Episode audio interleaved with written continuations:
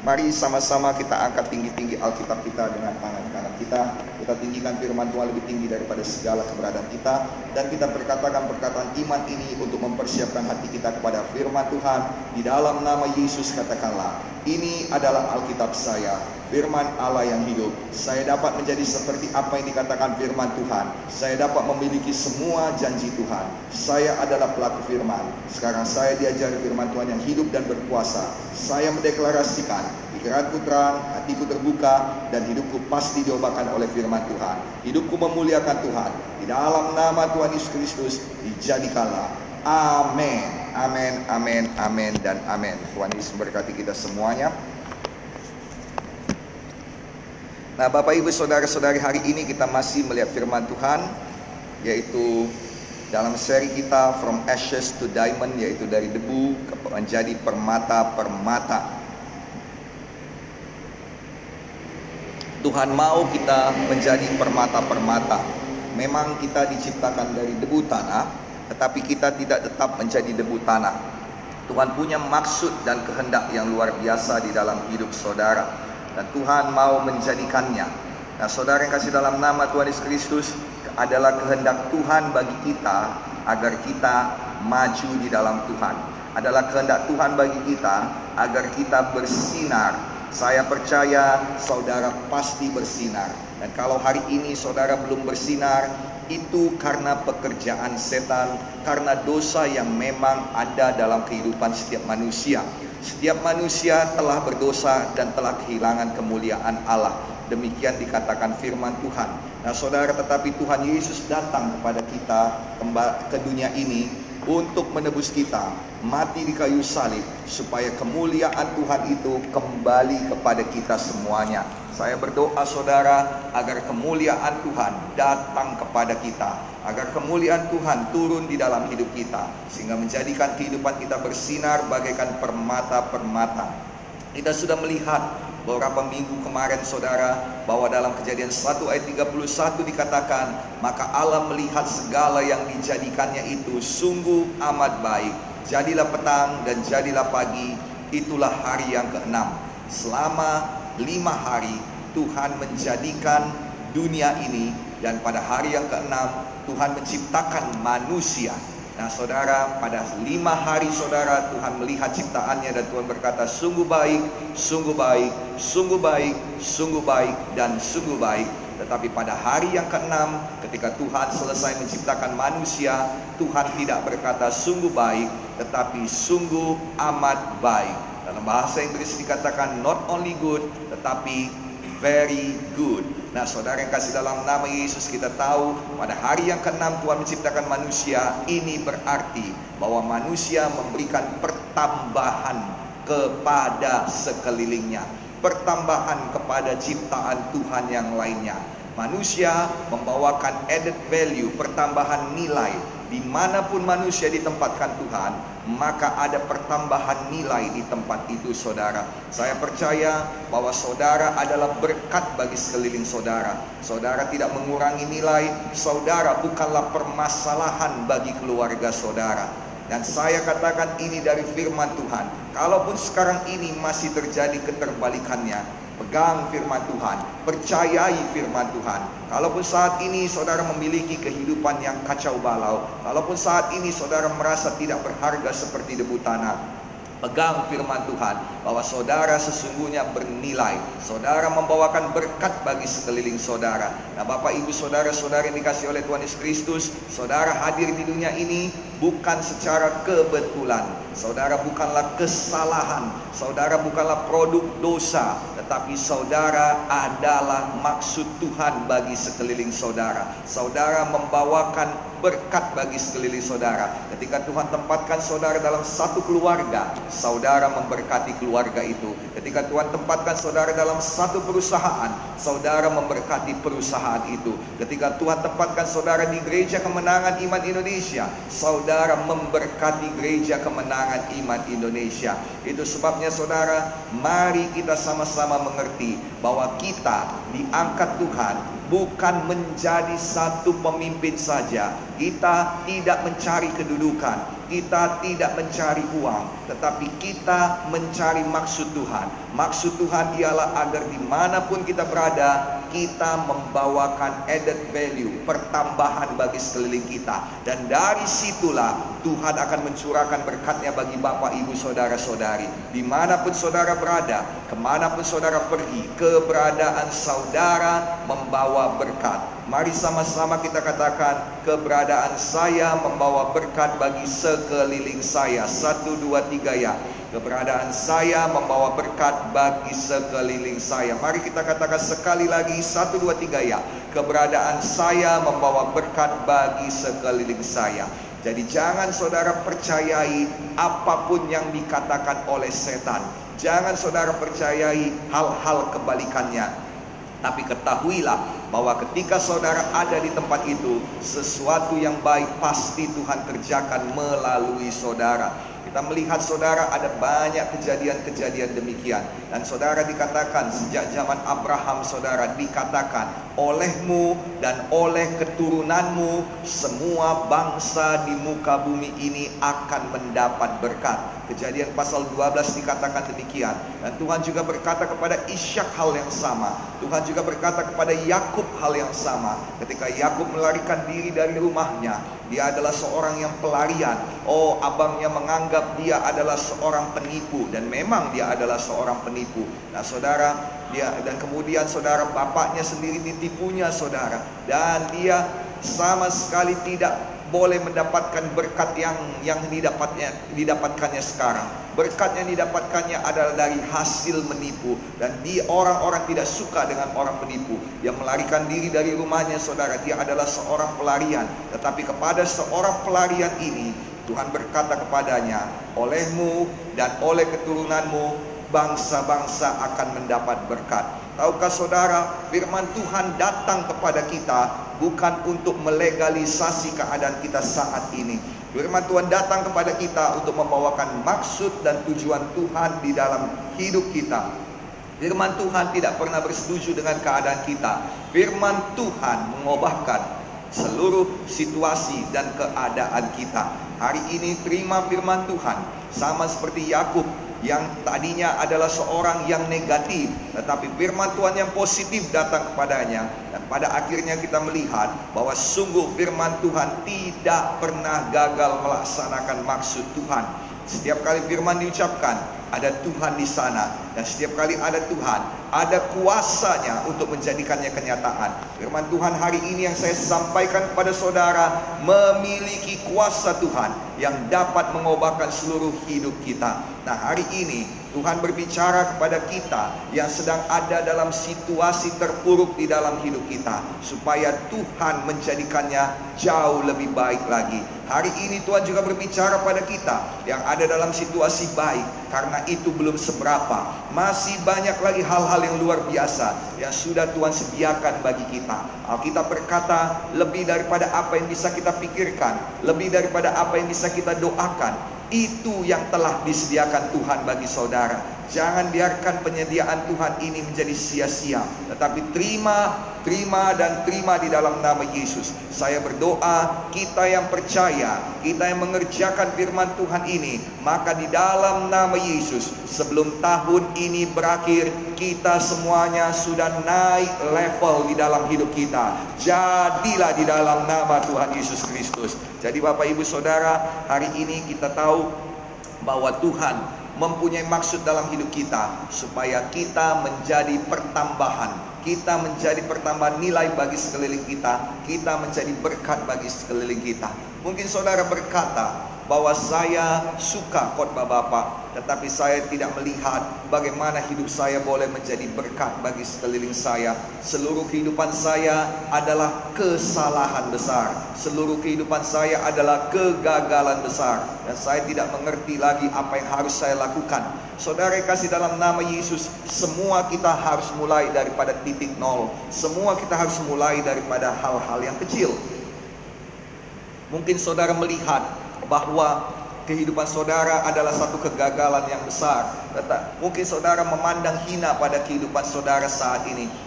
Saudara mungkin berkata, saya adalah orang miskin, dari dahulu saya miskin, bapak saya miskin, dan juga orang tua saya miskin, dan juga kakek nenek saya miskin, maka inilah kehidupan saya. Mungkin saudara berkata, saya narkoba, saya mempunyai pikiran negatif, perjuangan saya tidak pernah menang, dan inilah yang menjadi kehidupan saya. Bapak, ibu, saudara-saudari, semua kita memulai daripada square one. Semua kita mulai dari bawah. Zakaria 4 ayat 10 dikatakan, sebab siapa yang memandang hina pada hari-hari peristiwa-peristiwa yang kecil, mereka akan bersukaria melihat batu pilihan di tangan Zerubabel. Nah ini berbicara saudara kalau dikatakannya ketika mereka sedang berusaha membangun sesuatu, mereka berusaha membangun rumah Tuhan, tetapi ketika mereka bangun, mereka lihat hasilnya, ternyata itu bukan apa-apa. Ternyata rumah Tuhan yang mereka bangun itu kelihatannya sangat hina. Sama sekali bukan apa-apa. Tidak bisa dibandingkan dengan bait Allah yang dibangun oleh Salomo pada waktu dahulu. Dan mereka merasa kecil hati. Mereka merasa hina. Itu sebabnya Tuhan datang melalui nabinya Zakaria dan berkata, tidak perlu malu dengan hal yang kecil ini karena pada akhirnya akan menjadi mulia juga. Saudara tidak perlu malu dengan hidup saudara sekarang ini, tetapi tidak boleh tinggal dalam hidup saudara terus-terusan.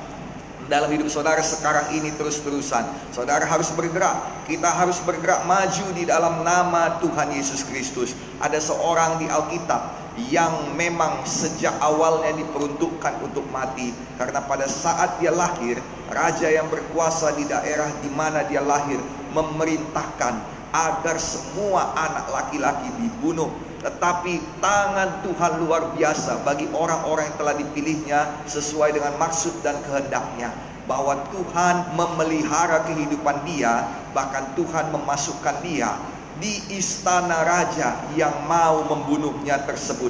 Nah saudara, saya percaya penuh dan percayailah kehadiran saudara di dunia ini ada maksud dan kehendak Tuhan. Dan karena ada maksud dan kehendak Tuhan pada saudara, maka tangan Tuhan akan melindungi saudara. Walaupun ada banyak bahaya, walaupun ada banyak tekanan, walaupun ada banyak kesusahan yang datang di dalam hidup saudara, tangan Tuhan melindungi saudara. Walaupun saudara berdampingan dengan bahaya selalu, pekerjaan saudara syarat dengan mara bahaya, kehidupan saudara banyak tekanan, tapi Tuhan akan menjaga saudara. Tuhan jaga kesehatan saudara. Saudara tidak sakit, saudara tidak meninggal dunia, saudara tidak stroke di dalam nama Tuhan Yesus Kristus. Tuhan jaga kehidupan saudara. Mengapa? Karena Tuhan tidak pernah gagal menjalankan maksud dan kehendaknya di dalam hidup saudara. Demikian juga dengan orang ini yang tadinya harusnya mati ketika dilahirkan, dibunuh ketika dilahirkan, tetapi Tuhan bawa dia masuk ke dalam istana raja yang mau membunuhnya. Bahkan Tuhan menjadikan dia salah seorang daripada ahli waris kerajaan itu. Ini adalah keajaiban Tuhan dan Tuhan yang sama masih mau mengerjakan keajaibannya.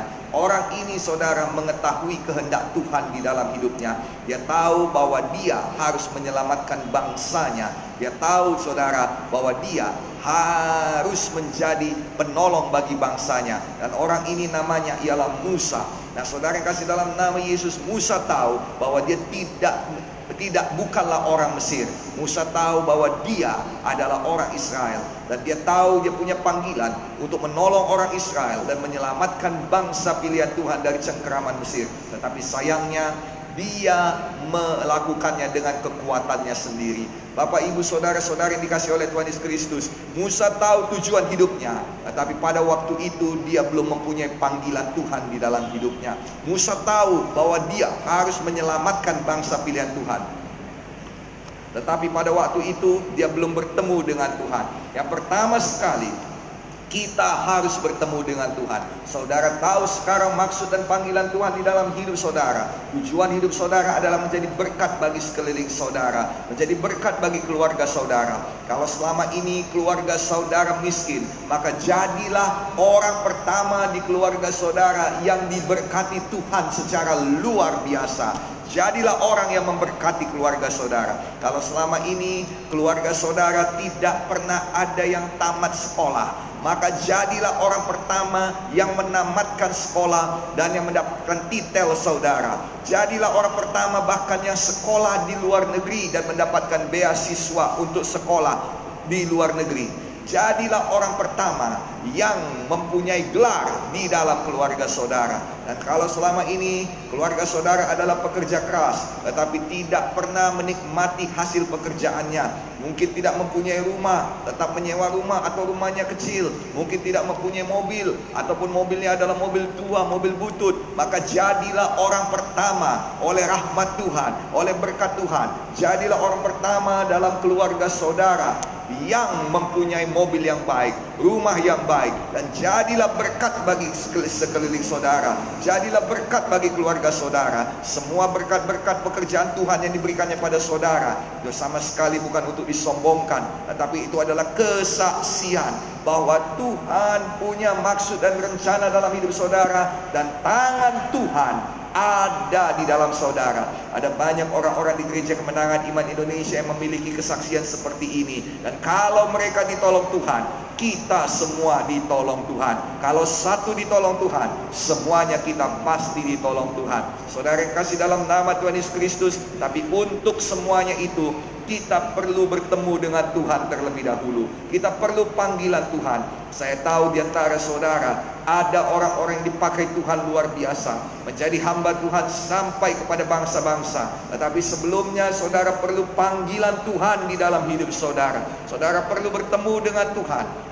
Maka di dalam nama Tuhan Yesus Kristus saya berdoa agar dalam minggu-minggu ini sebelum tahun ini berakhir juga saya berdoa Tuhan memanggil saudara untuk memasuki Institut Alkitab Rema. Tuhan memanggil saudara untuk boleh menjadi hamba-hamba Tuhan. Saya berdoa supaya saudara bertemu dengan Tuhan, merasakan panggilan Tuhan, mendengarkan suara Tuhan. Saya berdoa supaya hati saudara terbuka karena di sini yang mendengarkan saya ada banyak orang-orang yang luar biasa. Ada banyak orang-orang yang di dalamnya Tuhan tanamkan anugerah, Tuhan tanamkan bakat, Tuhan tanamkan talenta, Tuhan tanamkan kemampuan yang luar biasa untuk menjadi hamba-hamba Tuhan sampai kepada bangsa-bangsa. Sambut panggilan Tuhan, dengar panggilan Tuhan, bertemu dengan Tuhan, bicara dengan Tuhan, tanya Tuhan dan sambut panggilan saudara maka Tuhan akan mengerjakannya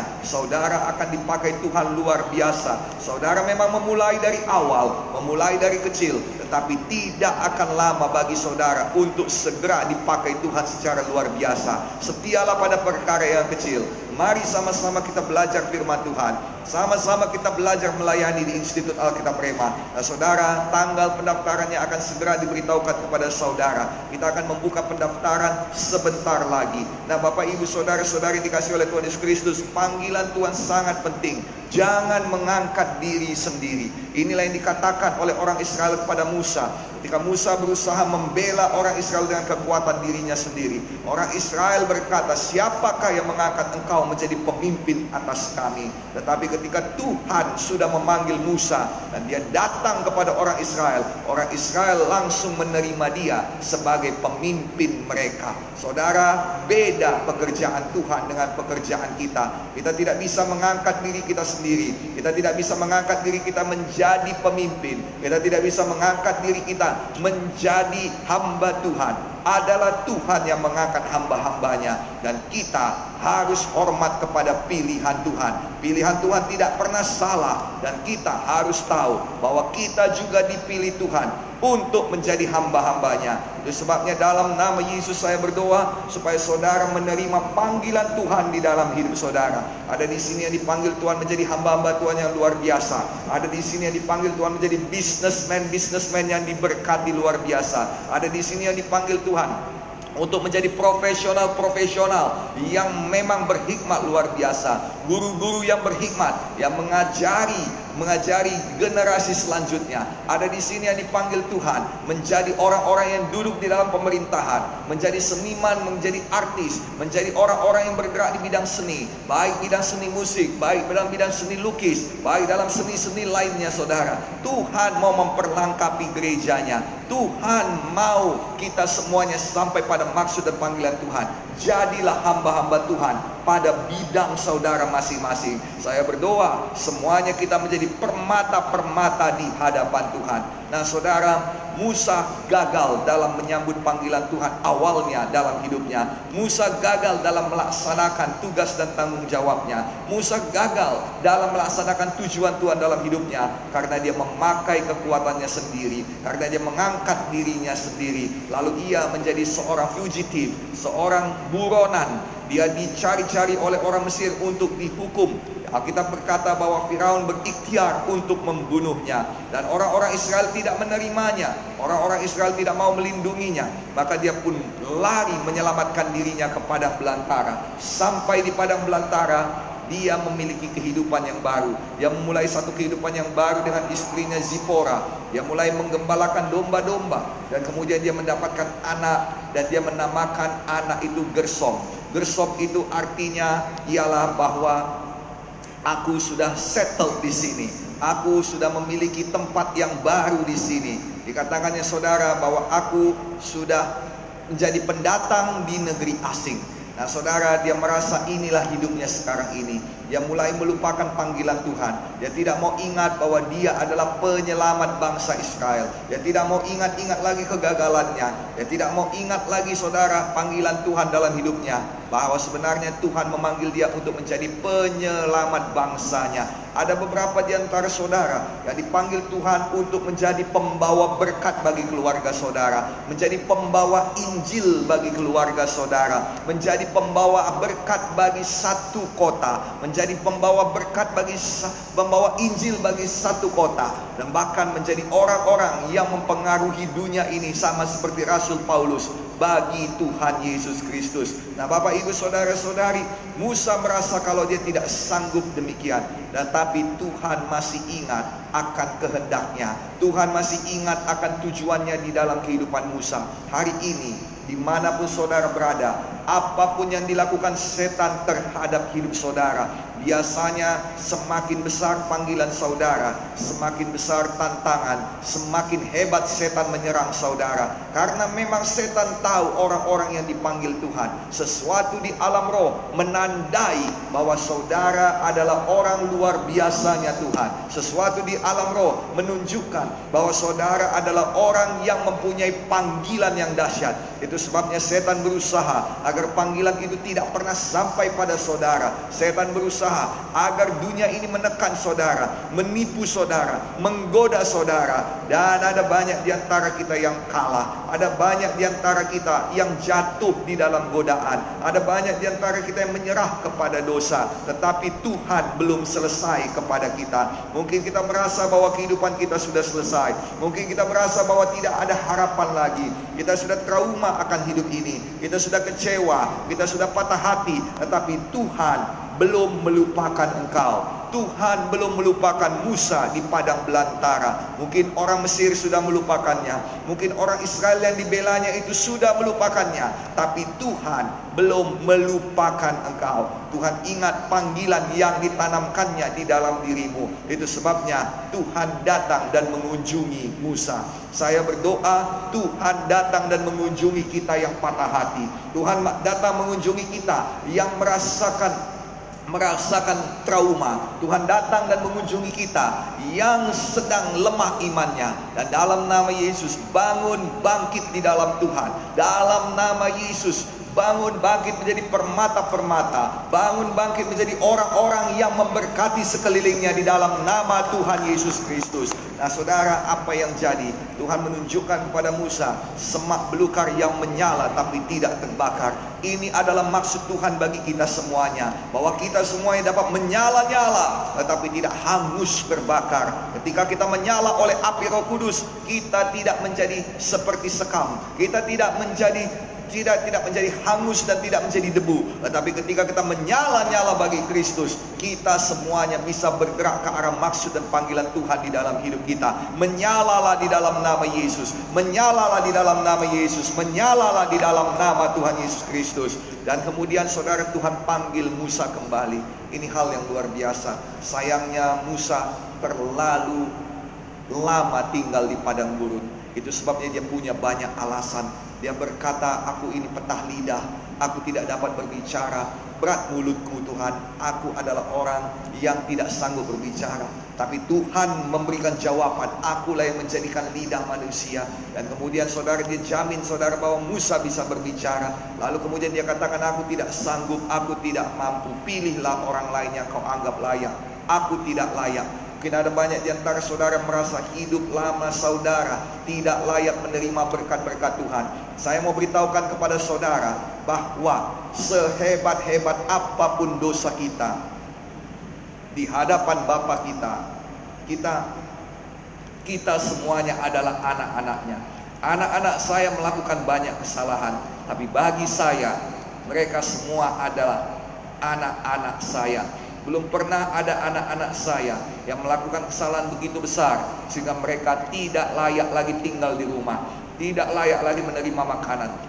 Sebesar apa pun kesalahan daripada anak-anak saya, orang tua yang baik akan tetap memberikan makanan kepadanya. Memang saya tahu akibat dosa, ada orang tua yang menahankan berkat anaknya, yang berusaha mengambil daripada anaknya. Itu semua adalah lambang daripada setan itu adalah orang tua yang kesetanan. Saudara kasih dalam nama Tuhan Yesus Kristus, saya percaya di GKI tidak ada orang tua yang kesetanan. Kita semuanya adalah orang tua yang memiliki gambar Kristus di dalam kita. Itu sebabnya kita tahu betul bahwa sorga menunjukkan bahwa seberapa hebat pun dosa kita, seberapa hebat pun kita punya kita punya kesalahan, Bapa sorgawi tetap memberikan makanan. Kita berkata dia tetap menerbitkan matahari bagi orang baik dan orang jahat. Dia tetap memberikan berkat bagi orang baik dan orang jahat. Tetapi orang yang baik, orang yang mengerjakan bekerjakan maksud dan kehendaknya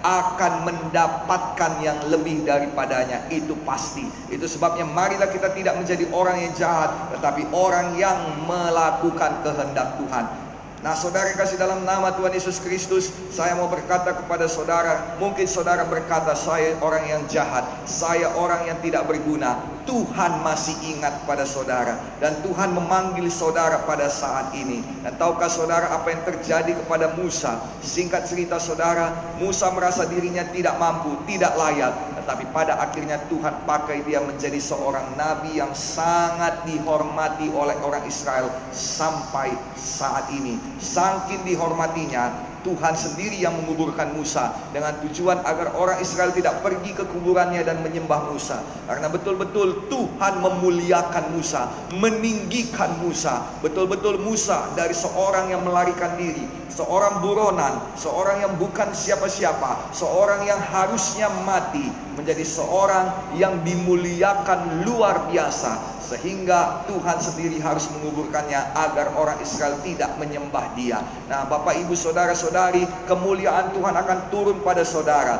Musa bisa berubah dari debu tanah menjadi permata-permata yang mulia. Kalau Tuhan bisa lakukan kepada hambanya Musa, Tuhan juga bisa melakukan pada kita semua. Yosua merasa tidak mampu untuk dapat menyaingi Musa. Yosua merasa tidak mampu untuk meneruskan pekerjaan Musa. Tapi Tuhan berkata bahwa sama seperti aku menyertai Musa hambaku itu, demikian juga aku menyertai kamu. Kalau saudara dengar cerita mengenai Musa yang luar biasa ini, bagaimana dia yang petah lidah, yang tidak bisa berkata-kata, begitu luar biasa membawa bangsa Israel keluar dari Mesir. Bagaimana dia membelah lautan dengan tongkatnya, bagaimana dia menyediakan makanan dengan tongkatnya, bagaimana dia membawakan kemenangan pada orang Israel dengan tongkatnya, bagaimana dia bisa mengeluarkan air daripada gunung batu dengan tongkatnya. Bapak, Ibu, Saudara-saudari, semua itu bisa dijadikan Tuhan kepada kita. Dengan yang ditaruhkan Tuhan di tangan tangan kita, kita bisa membawakan berkat bagi keluarga kita. Dengan yang ditaruhkan Tuhan di tangan kita, kita bisa menerima mukjizat Tuhan dalam keluarga kita. Dengan yang ditaruhkan Tuhan di tangan kita, kita bisa menjadi berkat bagi gereja Tuhan. Kita bisa menjadi berkat bagi perusahaan yang kita pimpin, bagi pekerjaan yang kita lakoni, bagi tempat-tempat di mana Tuhan tempatkan kita. Akan ada mukjizat. Tuhan kita bukan Tuhan yang memandang bulu. Kalau dia melakukannya kepada Musa, sama seperti aku menyertai Musa hambaku itu, Tuhan juga mau menyertai Amang. Tuhan juga mau menyertai Inang. Tuhan juga mau menyertai Koko. Tuhan juga mau menyertai Cici. Dalam bisnis, dalam keluarga, dalam menapak kehidupan, dalam rumah tangga, dalam segala hal. Tuhan mau menyertai. Jangan katakan aku seorang yang tidak mampu seperti Musa. Alkitab mengatakan Musa ber, berbantah-bantah dengan Tuhan. Tuhan berkata pergilah. Dia berkata aku tidak mampu. Lalu Alkitab berkata bangkitlah murka Tuhan Tuhan kita adalah Tuhan yang memperlengkapi. Kalau dikatakannya engkau bisa berubah, maka dari mana pun engkau datang, engkau bisa berubah. Kalau dikatakannya engkau bisa maju, maka sehebat apa pun kemunduran dalam keuangan kita, kita bisa maju. Kalau dikatakannya kita diberkati, maka seterpuruk apa pun hidup kita, kita bisa diberkati. Kuasa Tuhan lebih besar daripada semua persoalan kita. Kuasa Tuhan lebih besar daripada semua pekerjaan setan. Hari ini dalam nama Yesus terima panggilan Tuhan. Dalam nama Yesus terima jamahan kuasa Tuhan. Dan dalam nama Yesus terima penyertaan Tuhan. Supaya saudara betul-betul menjadi seperti Musa. Dan saudara betul-betul membawa pertambahan bahwa sesungguhnya Musa menjadi berkat bagi bangsa Israel. Saya berdoa saat ini ada orang-orang yang sedang dipanggil Tuhan untuk menjadi berkat bagi Indonesia di bidangnya masing-masing. Saat ini ada orang-orang yang dipanggil Tuhan untuk menjadi berkat bagi kota kita. Di mana pun saudara ditempatkan Tuhan, jadilah di dalam nama Tuhan Yesus Kristus. Bahwa Tuhan bisa memberkati kita dengan luar biasa dan itulah yang dijadikan di dalam nama Tuhan Yesus Kristus. Ada satu orang lagi yang Tuhan berkati dengan luar biasa. Dia adalah orang yang dilupakan pada awalnya. Nah saudara yang kasih dalam nama Yesus mereka datang dari tujuh orang bersaudara. Dan ketika itu seorang nabi Tuhan datang membawakan firman Tuhan bahwa salah seorang daripada tujuh bersaudara ini akan menjadi pemimpin di kerajaan itu.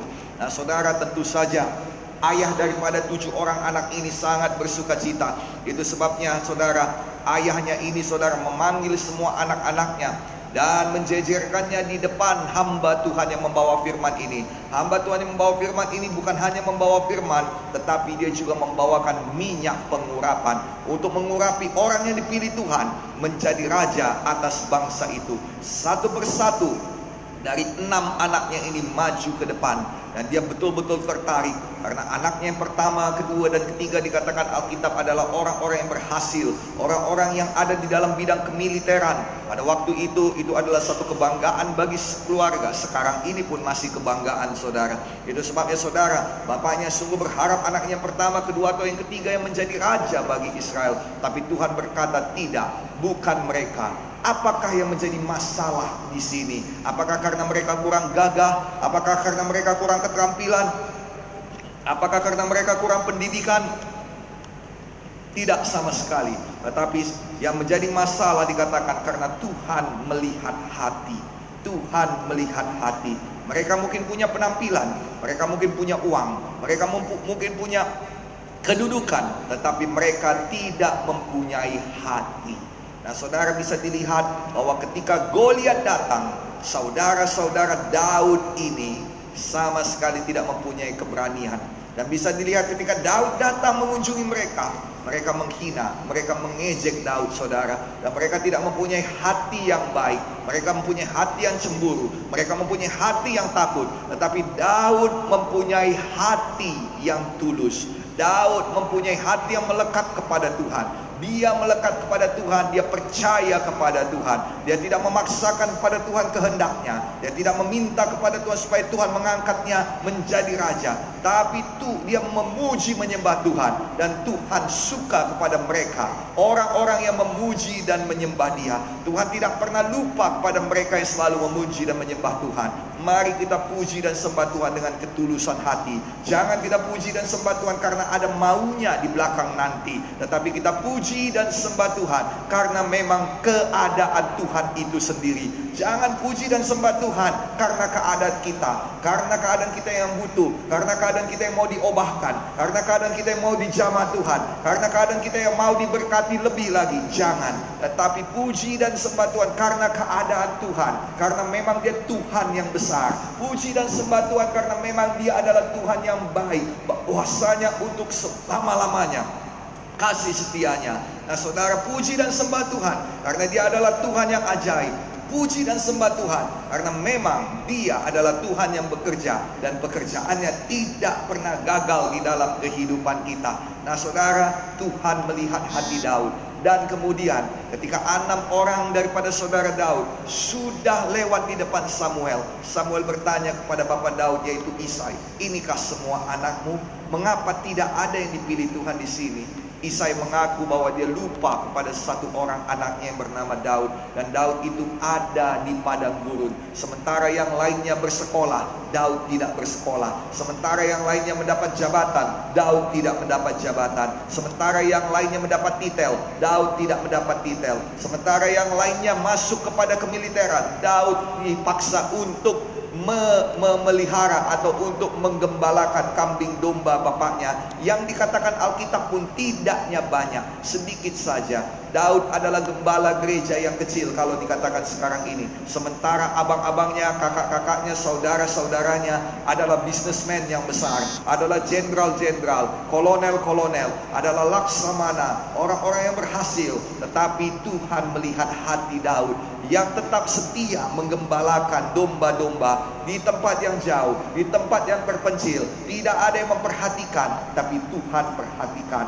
Hari ini mungkin manusia tidak memperhatikan engkau. Engkau sudah bekerja keras dan tidak ada yang sadar akan hasil pekerjaanmu. Saya mau bawakan berita padamu. Tuhan tahu. Karena engkau tidak bekerja untuk manusia tapi engkau bekerja untuk kemuliaan Tuhan. Mungkin tidak ada manusia yang menyadari bahwa engkau eksis di dunia ini. Engkau sudah melakukan yang terbaik. Engkau melakukan yang terbaik dalam pelayanan. Engkau melakukan yang terbaik dalam hidup. Dan tidak ada yang menghargai engkau. Saya bawakan berita baik pada saudara. Tuhan melihat. Tuhan tahu. Dan Tuhan menghargai. Saatnya akan datang. Seorang nabi akan datang padamu. Seorang hamba Tuhan dan dia akan datang dan berdoa untukmu dan mengurapi engkau. Hari ini Jadikanlah saya Nabi Samuel bagimu Karena saya berdoa kepada Tuhan. Kiranya pengurapan Tuhan turun atasmu Kiranya firman Tuhan dijadikan padamu Kiranya janji Tuhan digenapi di dalam hidupmu. Kiranya engkau berubah Dari debu-debu tanah menjadi permata-permata yang berharga. Kiranya ada kedudukan baru yang diberikan Tuhan kepadamu di dalam nama Tuhan Yesus Kristus. Kiranya ada peningkatan di dalam hidupmu. Maka sebelum tahun ini berakhir Setialah kepada Tuhan Miliki hati yang tulus Maka dalam nama Yesus sebelum tahun ini berakhir, engkau akan menerima pengangkatan dari Tuhan. Turunlah kiranya pengurapan itu kepadamu dalam nama Yesus. Pengurapan itu akan membawakan jalan bagimu untuk peningkatan. Jadilah, jadilah dan jadilah untuk kemuliaan Tuhan di dalam nama Tuhan Yesus Kristus.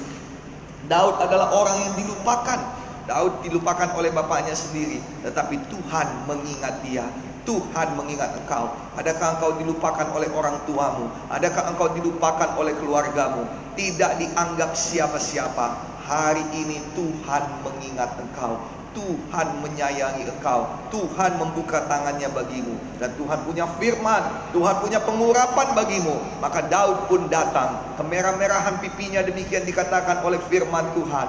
Dan ketika Samuel melihatnya, Tuhan langsung berbicara kepadanya ini orangnya.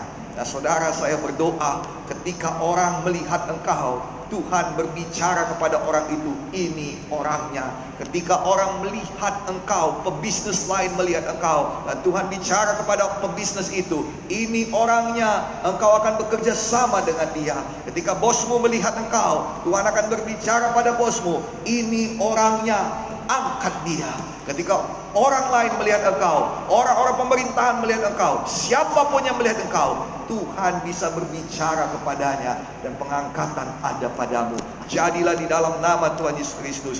Tuhan kita adalah Tuhan yang berbicara. Dalam nama Yesus miliki hati yang murni. Miliki hati yang tulus. Dalam nama Yesus selalu puji dan sembah Tuhan sama seperti Daud. Lalu Daud pun saudara menerima firman bahwa dia diangkat Tuhan menjadi raja bagi umatnya Israel. Dan dia diurapi oleh Samuel. Dan tahukah saudara setelah itu Samuel kembali ke Rama, ke gerejanya. Setelah itu Daud kembali kepada gurun dan saudara-saudaranya kembali kepada kemiliteran. Dan ini adalah satu hal yang aneh. Dia sudah diurapi sudah ada janji Tuhan tetapi dia kembali pada hidupnya yang lama. Kalau dilihat-lihat saudara bahwa sesungguhnya tidak mungkin baginya untuk bisa sampai kepada lingkungan kerajaan. Mustahil. Adalah lebih mudah bagi bagi abang-abangnya kakak-kakaknya untuk bisa masuk ke dalam lingkungan kerajaan karena mereka ada dalam dunia kemiliteran. Tetapi pengurapan yang ada pada Daud membukakan jalan padanya. Pengurapan yang ada padamu akan membuat engkau menjadi permata-permata yang berharga. Pengurapan Tuhan yang ada padamu akan mengubahkan hidupmu. Itu sebabnya marilah kita selalu penuh dengan Roh Kudus. Kita selalu berbahasa roh. Kita mengatakan kalau kita berbahasa roh itu akan membangun diri kita sendiri. Ya Daud memiliki pengurapan. Daud penuh dengan roh kudus. Alkitab mengatakan ketika Daud diurapi kuasa Tuhan yang besar bekerja di dalam hidupnya membangun dirinya menjadi seorang raja jauh sebelum kedudukan raja itu diberikan kepadanya. Tanpa pengurapan itu dia tidak bisa menjadi raja. Tanpa pengurapan itu tidak ada jalan-jalan yang dibukakan Tuhan. Maka hari ini saya berdoa di dalam nama Tuhan Yesus. Ada pengurapan kerajaan turun padamu. Ada pengurapan berkat luar biasa turun padamu. Ada pengurapan pemimpin turun padamu. Ada pengurapan bisnismen yang luar biasa turun padamu dalam nama Yesus. Ada pengurapan yang dahsyat. Kuasa Tuhan bekerja dalam hidupmu sekarang ini juga. Jadilah, jadilah dan jadilah di dalam nama Yesus. Jangan anggap remeh mengenai penuh roh kudus. Alkitab berkata orang yang penuh roh kudus berbahasa roh. Jangan anggap remeh akan bahasa roh. Masih banyak juga orang-orang yang menghina orang bahasa roh. Tetapi dia tidak ketahui bahwa sesungguhnya ketika engkau berbahasa roh. Pengurapan Tuhan mengalir, mengalir dan mengalir. Ketika saudara berbahasa roh. Oh kuasa Tuhan mengalir, mengalir dan mengalir. Pengurapan itulah, kuasa itulah yang membukakan jalan. Memang abang-abangnya Daud, kakak-kakaknya Daud, saudara-saudaranya Daud. Oh mereka kelihatannya secara dunia mempunyai kans yang lebih besar. Peluang yang lebih besar. Kelihatannya mereka lebih dekat kepada kerajaan. Lebih dekat kepada kaum istana. Tetapi Daud yang ada di padang gurun. Dengan pengurapan. Diajak Tuhan melejit tinggi. Sampai ke hadapan raja. Saya tidak pernah melihat bahwa Eliab, Syama, semua abang-abang Daud ini. Kakak-kakak Daud ini pernah menghadap Saul. Tetapi Daud menjadi pembawa senjatanya Saul. Oh saudara, ketika yang lain takut, Tuhan memberikan keberanian kepada Daud. Ketika yang lain bangkrut, saudara di, di, dibedakan oleh Tuhan. Inilah khas daripada pengurapan. Pengurapan Tuhan bisa jadi bagi perorangan, bisa jadi kepada satu gereja, bisa jadi kepada satu bangsa. Tuhan membedakan bangsa Israel di tanah Goshen dengan bangsa Mesir. Oh, ada perbedaan yang jelas. Dan saya berdoa, ada perbedaan yang jelas dalam hidupmu supaya nama Tuhan dimuliakan, supaya hidupmu jadi kesaksian, supaya orang-orang melihat bahwa engkau bukan debu tanah lagi, tetapi engkau sudah diobahkan menjadi permata-permata yang berharga karena ada pengurapan. Selalu punya hati yang tulus, punya firman dan selalu berbahasa roh, selalu berbahasa roh. Memang pengangkatan Tuhan itu agak aneh Mungkin kita merasa saudara bahwa kalau kita diangkat itu saudara, oh tentunya akan ada orang-orang yang menyambut, oh tentunya akan ada orang-orang yang memuliakan. Tetapi Daud diangkat dengan cara berhadapan dengan Goliat, musuh yang jauh lebih besar daripadanya. Saul pun tidak percaya bahwa Daud bisa mengalahkan Goliat, tapi Saul tidak punya pilihan lain. Dia sendiri pun takut menghadapi Goliat. Saul mempertaruhkan semuanya di tangan Daud. Oh saudara dengarkan baik-baik, kau tidak tidak perlu khawatir mempertaruhkan semua di tangan orang yang diurapi Tuhan. Kalau gembalamu diurapi Tuhan, pertaruhkan semua di tangan gembalamu. Kalau anakmu diurapi Tuhan, pertaruhkan semua di tangan anakmu. Kalau engkau diurapi Tuhan, pertaruhkan semuanya di dalam hidupmu. Pasti Tuhan akan sertai. Tapi yang pertama sekali, harus penuh pengurapan Tuhan, harus penuh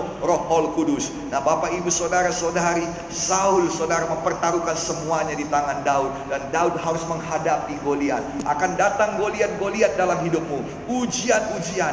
Ujian dari Tuhan tidak diperuntukkan untuk menjatuhkan engkau. Ujian sekolah tidak diperuntukkan untuk menjatuhkan kita. Ujian sekolah adalah diperuntukkan agar kita mempunyai dasar yang teguh untuk naik pada kelas berikutnya. Tuhan mau meningkatkan kelasmu dari kelas padang belantara menjadi kelas orang istana.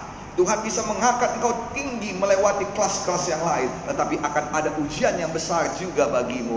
Goliat memang ujian yang besar. Karena Daud mau diangkat Tuhan dengan besar juga. Nah, jika saudara mau diberkati luar biasa. Sampai pada bangsa-bangsa. Ujian yang besar akan datang padamu. Tapi lakonilah jalanilah, jalani bersama dengan Tuhan. Sama seperti Daud ketika dia berhadapan dengan ujian terbesarnya Goliat, dia berkata, "Aku datang di dalam nama Tuhan semesta alam, Allah Israel yang kau hina itu." Oh, orang-orang mungkin menghina kita, tetapi sesungguhnya mereka menghina Tuhan kita. Tuhan yang akan berhadapan dengan mereka.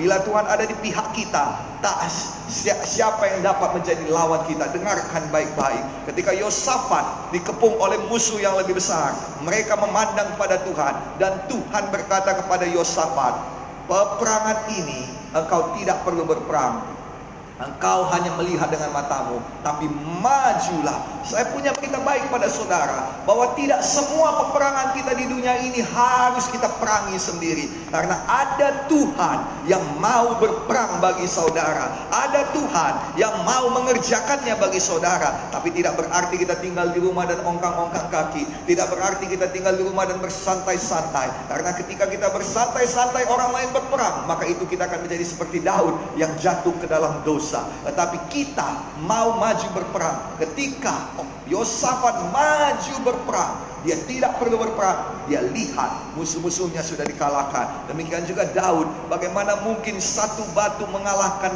Goliat yang begitu perkasa. Itu semua adalah tangan Tuhan. Bagaimana mungkin dengan modal yang kecil engkau bisa mempunyai harta kekayaan yang luar biasa. Itu memang tidak mungkin. Tetapi itu adalah tangan Tuhan. Bagaimana mungkin dengan doa yang sederhana engkau bisa sembuh daripada penyakit yang parah. Itu memang tidak mungkin. Tapi itulah karya Tuhan di dalam hidupmu. Bagaimana mungkin ini bisa terjadi? Bagaimana mungkin itu bisa terjadi? Bagaimana mungkin dengan tidak menyuap? Bagaimana mungkin dengan tidak memberikan memberikan uang terima kasih? Maka engkau bisa diangkat di bidang-bidang pemerintahan atau di bidang-bidang tempat-tempat lain.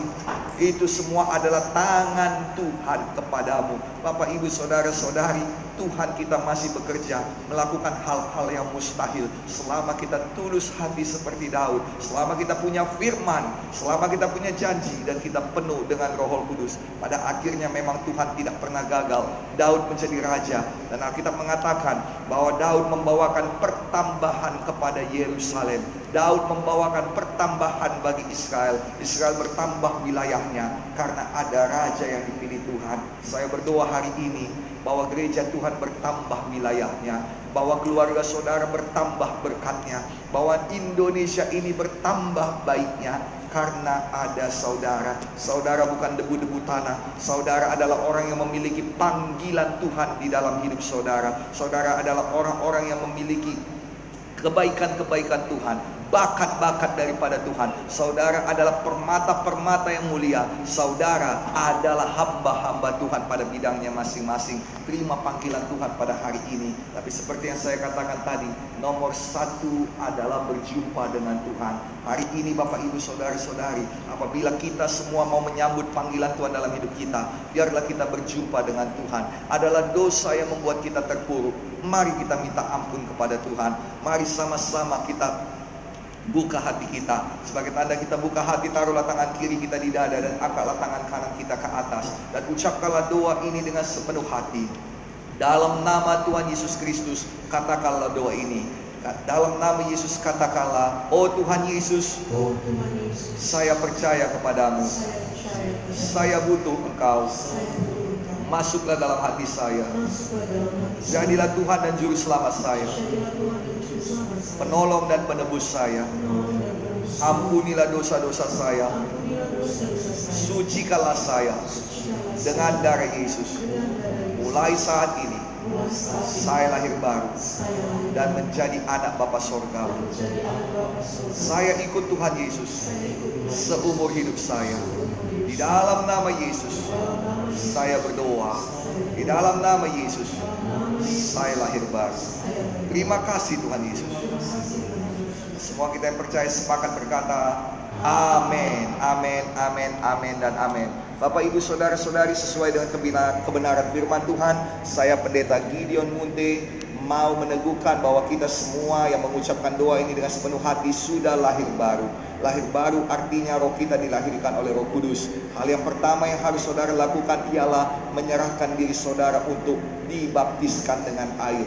Karena firman Tuhan berkata saudara bahwa mereka yang percaya dan dibaptis dialah yang diselamatkan. Tiga hal berikutnya yang harus kita lakukan setelah kita lahir baru. Yang pertama sekali baca Alkitab saudara dan yang kedua disiplinlah diri saudara untuk berdoa.